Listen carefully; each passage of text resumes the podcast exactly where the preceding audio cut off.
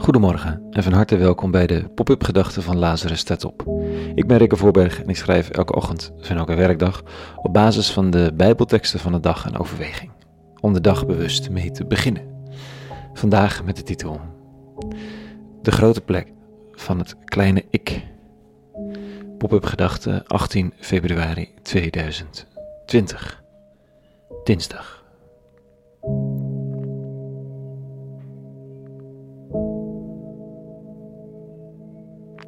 Er wordt gefluisterd achter me in de tram en meteen denk ik dat het over mij gaat. Absoluut geen reden toe, hè, maar zou ik iets geks hebben gedaan? Zou er iets in mijn haar zitten? Even snel als de gedachte opkomt, schud ik haar weer af. En toch, ze is even langs geweest. Gek eigenlijk, toch? Of als een opdrachtgever appt dat ze me even wil spreken de volgende dag. Zomaar gaat er een alarmbel af ik scan in mijn hoofd langs de verschillende taken die uitstonden en vraag me bij elke af of ik ergens geblunderd heb. In de paar seconden die zoiets duurt, heb ik ook al excuses en uitvluchten bedacht. Dan pas bedenk ik me dat het ook over duizend andere dingen kan gaan. Hoe beter ik me in mijn vel voel, hoe minder die gedachten me bezighouden, hoe onzekerder, hoe meer. Vandaag overkomt het de leerlingen van Jezus in een mooie scène op een boot. En de rabbi vindt het maar ingewikkeld, de grote plek van het kleine ik. En we zien hem niet zo vaak als de mopperende leider vol onbegrip, maar die is er zeker. Dit staat er. In die tijd hadden de leerlingen vergeten brood mee te nemen, zodat zij niet meer dan één brood bij zich in de boot hadden. Toen gaf hij hun deze waarschuwing: Let op, wacht u voor het zuurdeeg van de Fariseeën en het zuurdeeg van Herodes. Ze spraken daarover onder elkaar. Dat zegt hij omdat we geen brood hebben.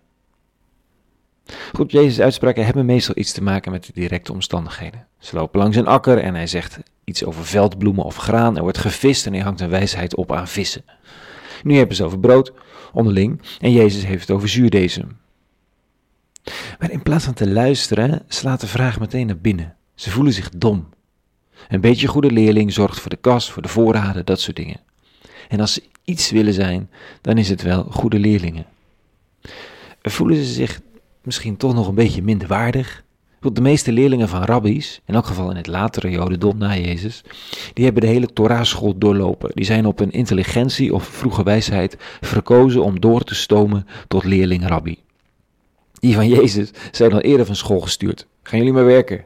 En terwijl ze zo bezig zijn bij hun vaders in het familiebedrijf, komt er alsnog een rabbi die zegt: Ik wil jullie als leerling-rabbi. Kom, volg mij. Een mix van onzekerheid, minderwaardigheidscomplex en overmatige zelfreflectie. En zie daar, het kleine ik neemt een enorme plek in. Zo groot dat je niet eens meer hoort wat er gezegd wordt. Maar dat wat er gezegd wordt, dat, neem je om je eigen zelfkritiek te bevestigen. Kijk, dat zuurdesem of gist van de fariseeën, eh, dat gaat natuurlijk over collega's van Jezus van Nazareth, over sommige van hen in elk geval die een manier van leren en van interpretatie erop nahouden die je eigenlijk geen kans moet geven. Zoals nou, een gepest kind op school maar een klein beetje hoeft te geloven dat het toch aan hem of haar zelf ligt. Dat kleine beetje zal alles doortrekken. En Herodes zuurdeeg? Ja, dat is het cynisme dat de hoop heeft opgegeven op een toekomst voor de goedheid, de godheid. Voor vrijheid zonder overheersing door de machtigen der aarde.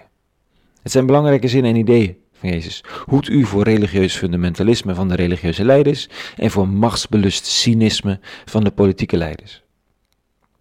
Maar de leerlingen horen niets van het alles. Zij horen slechts dat Jezus iets zegt met brood, realiseren zich dat ze het vergeten zijn en voelen zich stom. Ze denken dat hij bedoelt hen te kritiseren en slaan zich voor de kop. En wie zich voor de kop slaat, heeft weinig oren voor iets anders. En Jezus vindt het maar gedoe. Dit staat er. Hij bemerkte het en sprak: Wat bespreekt u daar onderling? Dat ik dit gezegd heb omdat u geen brood hebt, begrijpt en verstaat u het dan nog niet? Is uw geest dan zo verblind? U hebt toch ogen? Ziet u het dan niet? Je hebt toch oren? Hoort u het dan niet? En herinnert u zich niet hoeveel korven vol brood u hebt opgehaald toen ik voor vijfduizend die vijf broden heb gebroken? Ze antwoorden, uh, twaalf. En hoeveel manden vol brokken hebt u opgehaald toen met die zeven broden voor de vierduizend? En ze antwoordden, uh, zeven. Daarop zei hij, begrijpt hij het dan nog niet? Waarom zou de rabbi zich druk maken om zoiets eenvoudigs als brood in de voorraadkast, als hij net een heel aantal broodwonderen heeft gedaan? Waarom zijn ze zo bezig met zichzelf? En wat, zouden, en wat ze zouden moeten doen of gedaan hebben? Laat het, luister dan. Je bent hier niet, beste leerling, om voor de rabbi te zorgen en een pluim te verdienen, omdat je zo goed de voorraadkast hebt gevuld. Er is hier iets zoveel groters dat op het spel staat. Een manier van kijken, een manier van denken. Denk niet te klein van jezelf, want het staat te groeien in de weg. Luister dan. Wees stil. Ontdek. Huiver bij het mysterie.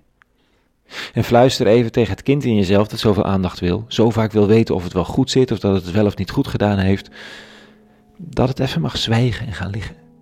Dat het oké is. Dat het zich geen zorgen hoeft te maken. Geef het kleine ik een kus op de bol, trek er een dekentje overheen. En zing een weltrustenliedje, zodat er ruimte ontstaat om werkelijk te luisteren hoe je aangesproken wordt. Als volwassene, als verantwoordelijke, als iemand in wie vertrouwen is gesteld. Niet eenvoudig, wel zo belangrijk. Tot zover de pop-up gedachten van vanochtend. Meer pop-up te vinden op lazarusstatop.nl. En voor nu vrede en alle goeds.